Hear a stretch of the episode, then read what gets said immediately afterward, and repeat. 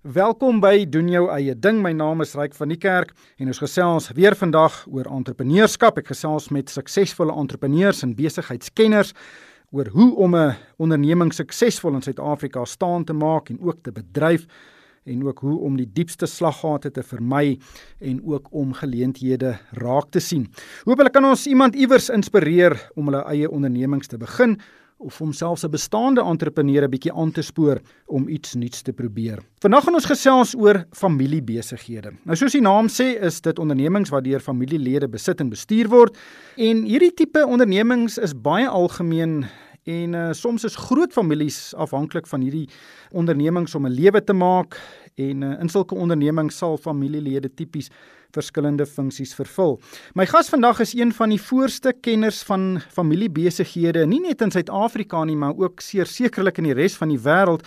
Dit is professor Elmarie Venter, sy is van die departement ondernemingsbestuur aan die Nelson Mandela Universiteit in Port Elizabeth. Sy is ook die skrywer van verskeie boeke.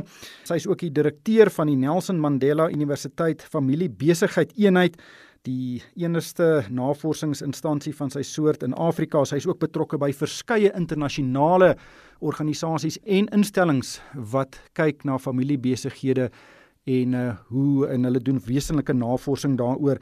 Elmarie baie baie welkom by die program. Eerstens, vertel ons 'n bietjie van die familiebesigheid eenheid. Wat presies doen julle daar? Baie dankie Ryk vir die geleentheid om op jou program te wees. Dit is altyd vir my baie passievol om oor um, familieondernemings te gesels. En ek is ook baie dankie vir die mooi inleiding, maar ek is altyd baie versigtig as iemand 'n mense kundige genoem want ek het my doktorsgraad oor opvolging in uh, Suid-Afrikaanse familieondernemings in 2003 voltooi en ek het my eerste konsultasie gedoen op 'n familieonderneming in 2005 en gedink ag nee ek weet nou van uh, al die teorie En nou uh, het ek baie baie gou agtergekom maar die teorie en die praktyk is baie keer bietjie uitmekaar verwyder. So wat gebeur het is dat uh sedert ek my doktorsgraad voltooi het, het ek begin om um, as studieleier vir ander doktorale en meestersgraad studente in die veld op te tree. En uh ons het gewerk op verskeie onderwerpe soos byvoorbeeld broers en susters wat saamwerk in 'n familieonderneming, eggenotes wat saamwerk, die invloed van waardes. Ag en 'n klomp goed in, maar veral my my spesialiteitsgebied is maar opvolging en dan ook um governance of bestuur. Governance is maar eintlik 'n beter woord beskrywend as die Afrikaanse woord. Maar ehm um, so wat gebeur het is so 10 jaar terug omdat ons begin het om die meeste kundigheid by ons universiteit op te bou as gevolg van die navorsing, het ons besluit om 'n meer formele eenheid op die been te bring. En die hele idee was dat ehm um, ons werk baie nou saam met ander kundiges ehm um, internasionaal en ook in Suid-Afrika.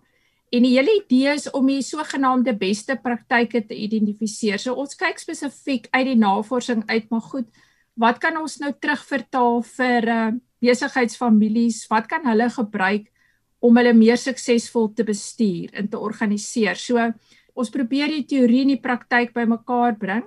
Dit help my natuurlik baie as ek ook kan konsulteer want uh, mens kan altyd dan weer dit wat jy optel in die in die praktyk dan vat jy dit ook weer terug na die teorie toe. En ehm um, uit ons eenheid het ons ook besluit uh, ons is in die eerste plek 'n navorsingseenheid, maar ehm um, ons bied ook kort kursusse aan vir diensverskaffers soos PwC en KPMG ensovoorts. En natuurlik doen ons ook opleiding vir ons nagraadse studente wat in die veld werk. En dan miskien is dit interessant om te noem, veral omdat jou program oor entrepreneurskap gaan, is uh, dat ons dit so in 2014 het ons aangesluit by die wat wat hulle noem in kort die STEP projek want dit is 'n lang naam. Uh, dit staan vir Successful Transgenerational Entrepreneurship Practices Project. En uh, daar's nou al 30 gevalle studies daaroor voltooi. En uh, jy weet jy ken nou seker die welbekende uitdrukking jy weet 30% maak dit na die tweede generasie en 15% na die volgende generasie Maar wie ons die die step projek kyk nou baie meer positief na familieondernemings. Ons ons kyk veral na twee ek wil amper noem komponente. En die een is om te kyk die wat wel suksesvol is reg oor die wêreld. Wat doen hulle reg in terme van entrepreneursiese oriëntasie? Met ander woorde, hoe hanteer hulle risiko? hoe hanteer hulle innovasie ensovoorts en dit is studiemet besig om baie belangrik te word. Maar dan 'n vraag wat ek ook baie kry is ja. Elmarie, maar wat kan ons leer van familieondernemings in terme van entrepreneurskap en bestuurspraktyke wat ons nou nie al weet van uh, 80 jaar se se navorsing oor uh, besighede nie? En die antwoord lê in daai tweede komponent van die STEP projek en dit is die familie self. So daar's ag komponente, ek gaan hulle nou nie almal noem nie, maar ons kyk spesifiek ook na die families wat wel suksesvol is. Wat doen hulle in terme van netwerke bou? Hoe benader hulle bestuur of governance? Wat is hulle waardesisteme? So daar's ag goeters wat uh, bydra en die twee komponente saam sê ons maak dan op jou transgenerasie of generiese um, potensiaal. Met ander woorde, hoe skep jy welvaart vinniger in die familie as wat die familie self groei? So want dit is jou probleem is dat uh, besighede groei baie keer stadiger as wat die familie ja. groei. Hm. So uit 'n entrepreneursiese oogpunt is is dit baie belangrik. Nou is familiebesighede in Suid-Afrika meer suksesvol as ek neem aan nie vir familiebesighede of gewone besighede. Is daar 'n merkbare verskil in die sukseskoers? Ja, Ryk, ek dink vir die eerste keer die laaste 2, 3 jaar kan ons dit met selfvertroue sê, want wêreldwyd, uh, veral nou met COVID, is daar uh, baie goeie studies gedoen en um, uh, ons het nou saam met KPMG ook die African Barometer gedoen. En um, dit is nou bewys uit verskeie studies dat um, familiebesighede definitief beter vaar in sleg ekonomiese tye en dat hulle 'n definitief hoër groeikoerse het en meestal um, 10% uh, hoër gewaardeer word op die aandelebeurse. So daar's definitief 'n positiewe impak en die rede daarvoor is uh, twee goed.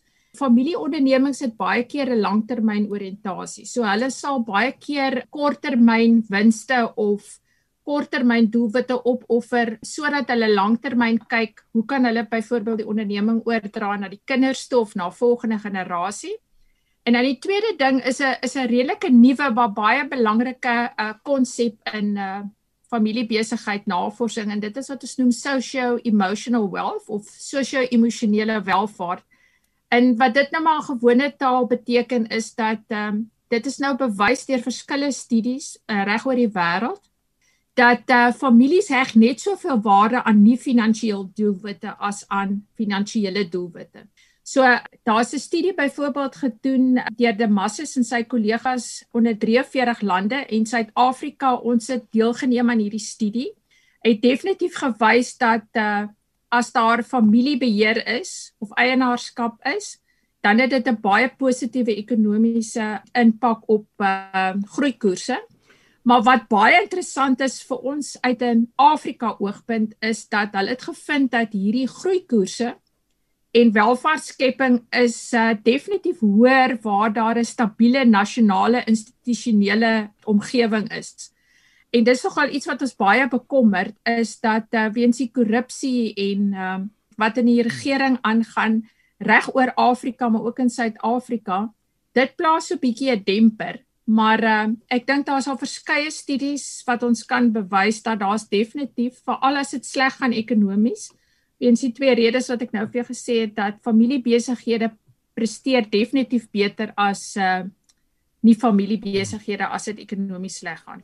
Daar is ook 'n gesegde dat moenie met vriende en familie besigheid doen nie. Daar kan onnodige spanning ook daar uitspruit. Ja. Hoe moet families dit bestuur? Ja, dis 'n dis natuurlik 'n uh, groot vraag want uh, ek sê altyd ek wil nooit saam met my familie in 'n besigheid wees nie. So daar's baie uitdagings want ryk net om terug te kom na die na die mense wat miskien gewone entrepreneurs is of nou eers in 'n eerste generasie is. As jy 'n besigheid begin, dan bekommer jy gewoonlik vir jou net oor twee goed. En dit is um wat is jou uh, eienaarskapstruktuur? So begin jy nou as 'n een eenman saak of as 'n as 'n vennootskap, hoe begin jy? So jy's nie geïnteresseerd in hoe bestuur jy die die besigheid en wat is jou eienaarskap? Maar sodra jy besluit, goed, ek gaan nou kinders of ander familielede betrokke maak en um uh, dit hoef nie net uh, byvoorbeeld ouers en kinders te wees nie. Dit kan ook byvoorbeeld sê nou maar twee broers wees wat in 'n besigheid ingaan of 'n boetie en 'n sussie of 'n man en 'n vrou. So, maar ewe skielik bring jy familie in die struktuur in en dan sit jy ewe skielik met vier subsisteme. So jy sit nog steeds met die besigheid en die bestuur en die eienaarskap, maar ewe skielik bring jy die familie element in en dan ons het die laaste paar jaar gesien die drie sirkel model het verander eintlik na vierde een toe sirkel toe want uh governance veral in die groter familieondernemings is is raak baie kompleks. So die die die bestuur en die governance self raak ook 'n uitdaging wanneer jy sit met hmm. familieondernemings. So die die die feit ewe skielik dat jy nou familie inbring maak dit baie meer kompleks. So ek wil eintlik begin deur vir jou te sê dat onthou net 'n familieonderneming is nog steeds 'n onderneming soos enige ander onderneming. So wat ons nou gesien het met COVID is dat ehm uh, net soos kom ons sê nie familieondernemings moes hulle ook baie ernstig gaan kyk het na wat is hulle besigheidsmodelle? Is dit nog relevant vir die mark? Hoe kan hulle byvoorbeeld likwiditeit hoog hou? Hmm. Watse kostes kan hulle sny ensovoorts? En ek dink meeste besighede ryk en ek het dit al baie op jou program ook gehoor is dat ehm um, baie baie families en baie besighede het oorgeskakel na digitale tegnologie. So ek dink die, die manier hoe ons ehm um, opereer, jy weet, is uh, baie anders as wat dit in die begin van die jaar was of 'n jaar terug was. So daai goeders was baie belangrik dat uh, familiebesighede dit aanspreek net soos in die familiebesigheid. So hoe kan ons hierdie krisis oorleef in terme van ons kontantvloei en ons besigheidsmodel? Wat vir families hmm. baie gehelp het wat ons opgetel het en ek byvoorbeeld te my kliënte is ek dink nou sommer aan een van my kliënte hier in Port Elizabeth is ehm um, die jonger generasie vind ons is ehm um, baie meer goed opgelei en kan tegnologie baie beter hanteer. So wat ons gesien het prakties is dat ehm um, waar die ouer generasie amper versigtig was om die oor te gee aan die volgende generasie, het ons baie groter samewerking gesien tussen die ouer en die jonger generasie. Want die jonger generasie was baie keer die mense wat uh, die tegnologie baie beter kon hanteer. Nog 'n geval wat ek vir jou kan noem is ehm um, dis 'n baie bekende besigheid in Suid-Afrika 'n familiebesigheid, hulle het byvoorbeeld baie lank vasgehou om hulle werkers af te dank. Hulle het uh, eintlik glad nie werkers afgedank nie. En uh dit kom eintlik nou weer terug na die DNA toe van 'n hmm. familiebesigheid, want uh die sosio-emosionele welvaart, daai nie finansiële doelwitte wat belangrik is, beteken dat die families in familiebesighede het gesê, "Oké, okay, maar kom ons probeer eens hoe ons ander kostes kan sny want ons nie familielede is net so belangrik as ons ja. familiewerknemers. So ek weet van baie gevalle op die oomblik in Suid-Afrika waar daar baie minder werksverlies was in uh, familieondernemings omdat hulle hierdie sterk verhoudinge opgebou het met uh, ook nie familielede in die besigheid. So dit ja. is dit is 'n baie belangrike verskil dat uh, ek dink familiebesighede was van uh, die laastes wat mense probeer afdank het en daar's baie interessante wetenskaplike verduidelikings vir dit.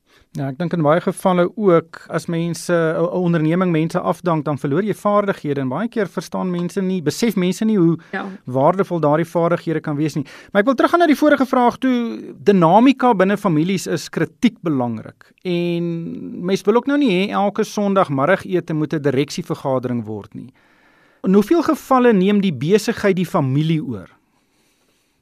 Ek dink baie in baie gevalle, veral as dit uh, kleiner ondernemings is. Ek dink baie keer word besluite geneem op uh, jy weet om die eettafel op 'n Sondagmiddag en dan word dit baie keer geïmplementeer op 'n Maandagoggend en almal kyk na mekaar wat niemand weet wat pa en seun byvoorbeeld besluit het nie. So ek dink dit is een van die grootste uitdagings is dat ehm uh, mense raak betrokke by 'n familiebesigheid, maar hulle kan nie onderskei tussen wat ek nou vir jou genoem het die subsisteme nie. So mense dink omdat jy familie is, is jy geregtig op uh, die winste en jy's geregtig op enige iets wat die familiebesigheid kan bied.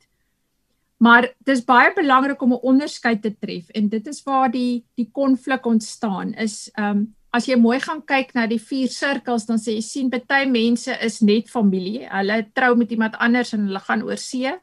Dan sal ander wat eienaars is of aandeelhouers is, dan is daar weer die familie wat werk in die besigheid en hulle is familie en hulle is aandeelhouers. So ek dink dit is baie baie belangrik. Jy vra nou vir my hoe los so, jy weet, hoe kyk ons nou hierna? En die enigste oplossing hiervoor is dat 'n mens gaan kyk na die sogenaamde governance vir al hierdie stelsels. So kom ons vat nou die familie.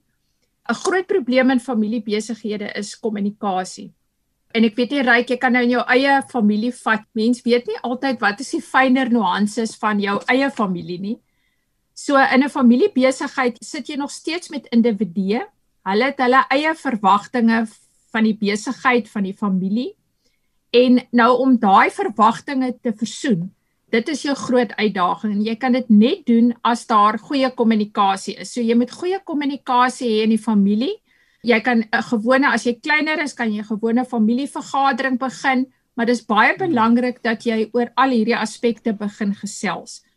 Dan as jy mens na die besigheidskant kyk of die besigheidssirkel, wat baie belangrik is daar is dat jy ek is baie ten gunste van 'n raad van direkteure of 'n adviesraad waar jy buite mense kry my ervaring is net dat ehm uh, die kleiner familieondernemings is baie versigtig om iemand van buite in te bring. So ek het al met mense gekonsulteer en dis al 'n groot deurbraak as hulle net iemand van buite inbring om hierdie goed uit te gesels, maar jy moet aan die einde van die dag moet jy 'n goeie besigheidsmodel hê, nog steeds soos enige ander besigheid, maar omdat jy familie het wat in die bestuur is, is dit baie belangrik dat jy buite mense kry wat uh ek wil amper sê baie sensitiewe besluite kan neem vir alles jy bietjie kleiner is. Ja. En dan natuurlik jou aandeelhouers. 'n Groot probleem wat ons kry by die groter familiebesighede is dat uh, die aandeelhouersdokumente is baie keer verouderd of die eienaarskapstruktuur is verouderd. Byvoorbeeld in boerderye, jy weet, ja. dit almal het 'n trust. Maar dis nie altyd die optimale struktuur of die uh, ja voertuig waarmee jy die besigheid vorentoe kan vat nie vir alles daar volgende generasies betrokke is. So wat ek wil sê is dat die familie moet moet bestuur gaan toepas. Hulle moet eers gaan sê okay, wat is die waardes want ongelukkig in 'n familiebesigheid of gelukkig sypel die waardes van die familie baie sterk deur na die ander strukture ja. toe. So die familie moet gaan sit, hulle moet gaan gesels met mekaar oor wat is ons DNA, wat is ons sogenaamde secret sauce of wat maak ons suksesvol? En hoe bestuur ons dit verder in die ander subsisteme? Want as jy dit nie doen nie, dit is wanneer die konflik begin as daar nie duidelike rolle en verantwoordelikhede is nie. Ja, ek dink dis baie baie belangrik. Mense moet nog steeds baie gesonde bestuursbeginsels ja. toepas in die besigheid en baie keer sit jy met 'n uh, ja. een persoon wat dink dis sy besigheid en hy doen die ander familielede 'n guns en daar's moeilike kommunikasie en delegasie is ook uh, nie altyd wat dit moet wees nie. Elmarie, net laastens, ons sit in 'n totaal en al ander wêreld weens die COVID pandemie, die grendeltyd, besighede het basies oornag 'n groot deel van hulle inkomste verloor. Hoe het familiebesighede dit hanteer en is daar sekere lesse wat uh luisteraars nou kan uh, leer oor wat die beste praktyke was tydens hierdie grendeltyd en en hoe familiebesighede dit hanteer het? Ryk, dis 'n baie baie goeie vraag en wat ons gevind het is uh net soos met enigiets anders, daar's ongelukkig nie 'n resepie nie. Ek dink as ek en jy 'n resepie gehad het, dan was ons nou skatryk. En dieselfde was met die koronavirus. Daar's lesse wat ons geleer het maar dit was nog steeds verskillend vir elke besigheid. Maar ek dink wat baie belangrik is is um, om terug te kom en te vra jy net waarom waarom bestaan ons as 'n besigheid? Wat nou? Waarheen nou? Hoekom nou? En ek dink dit was belangrik selfs vir familieondernemings is om terug te gaan na hulle besigheidsmodelle toe en ook te vra maar wat is die DNA? Wat is die waardes van ons familie? Wat het ons gebring? Wat het ons suksesvol gemaak tot nou toe? En hoe hanteer ons nou die toekoms vorentoe? So weer eens wat ek gesê het is dat uh, jy moet nog steeds bestuurstrukture hê soos enige ander besigheid. Ons het 'n konferensie gehad waar ons uh, familiebesighede regoor Afrika gehad het wat deelgeneem het. En ehm um, die die familiebesighede sal ook vir jou sê Elmarie as het, as ons nie die sterk governance of bestuurstrukture gehad het nie was ons nou baie slegter af. So ek dink uh, as daar 'n uh, krisis gebeur Ek dink baie keer is families beter gerad om dit te doen want daar's altyd 'n krisis in 'n familiebesigheid. Maar mens moet altyd onthou dat die familie en die familiebesigheid het nog steeds is opgemaak uit individue. En soos jy ook daarna verwys het, elkeen het sy talente, elkeen het sy persoonlikheid en net so het elkeen, jy weet, hierdie angstigheid met met COVID verskillend hanteer. Maar ek sou sê wat baie belangrik is, ehm um, wat ons geleer het is dat waardes speel 'n baie baie belangrike rol om meer digitaal te dink en uh besigheid te bestuur is definitief die toekoms en die die jonger generasie is baie goed daarin. So my my raad is ook dat die ouer generasie en die jonger generasie baie nouer saamwerk want daar waar die families baie beter georiënteer was ten opsigte van COVID, was daar al die generasies was uh, betrokke, jy weet en hulle het geleer van mekaar en dit was nie net die ouer generasie wat die wat die jonger generasie um, opleiding gegee het nie. En dan reik baie belangrik is uh om te oorleef in hierdie tyd moet jy 'n sterk entrepreneursiese oriëntasie. Jy moet eenvoudig. Hoe jy dit doen? Weereens jy moet gaan sit en dink as 'n entrepreneur, as 'n besigheid dit wat ek gedoen het gister, werk dit nog vandag? Gaan dit werk oor 2 maande? So ek dink 'n sterk entrepreneursiese oriëntasie is geweldig belangrik. Jy moet gaan kyk hoe kan ek dinge anders doen? Hoe kan ek dinge goedkoper doen? En uh wat wil die mark hê aan die einde van die dag bestaan elke besigheid om 'n sekere behoefte te bevredig. En ek dink dieselfde geld vir families. Ek dink hulle is baie keer vinniger met innovasie en met uh terme van proaktief wees want hulle het nie hierdie verskriklike lang besluitnemingskanale nie. En soos ek sê, is baie belangrik om vinnig op te tree en ek dink daar's uh, familiebesighede in 'n in 'n goeie posisie om dit baie keer vinniger te doen. Ja, en dis nie net tegnologie soos Zoom en Google Hangouts nie, nee. dit is 'n uh, tegnologie wat reg deur die besigheid voordele kan Dis ontsluit recht. en en die besigheid meer doeltreffend maak. My Almarie, baie dankie vir jou tyd. Ons het nou nie eers gesels oor hoe familiebesighede moet uh, skuif van een generasie na 'n ander nie. Dit is jou absolute kennisgebied, jou vakgebied, maar ek dink ons sal aanstaande jaar verseker daaroor gesels want dit is baie baie moeilik vir een generasie om te laat gaan en 'n nuwe generasie om oor te neem en en dalk nuwe besluite te neem. Maar regtig baie dankie vir jou tyd. Dit was professor Elmarie Venter. Sy is van die departement ondernemingsbestuur aan die Nelson Mandela Universiteit in Port Elizabeth. Sy is ook 'n skrywer van verskeie boeke. Sy is ook die direkteur van die Nelson Mandela Universiteit Familiebesigheid Eenheid. Dit is die enigste navorsingsinstansie van sy soort in Afrika. Sy dien ook op verskeie internasionale uh, liggame wat spesialiseer in navorsing in familieondernemings. Maar ongelukkig moet ons daar haltroep en uh, ons moet groet van my ryk van die kerk. Dankie vir die saamluister en ons gesels verseker weer entrepreneurskap in die nuwe jaar.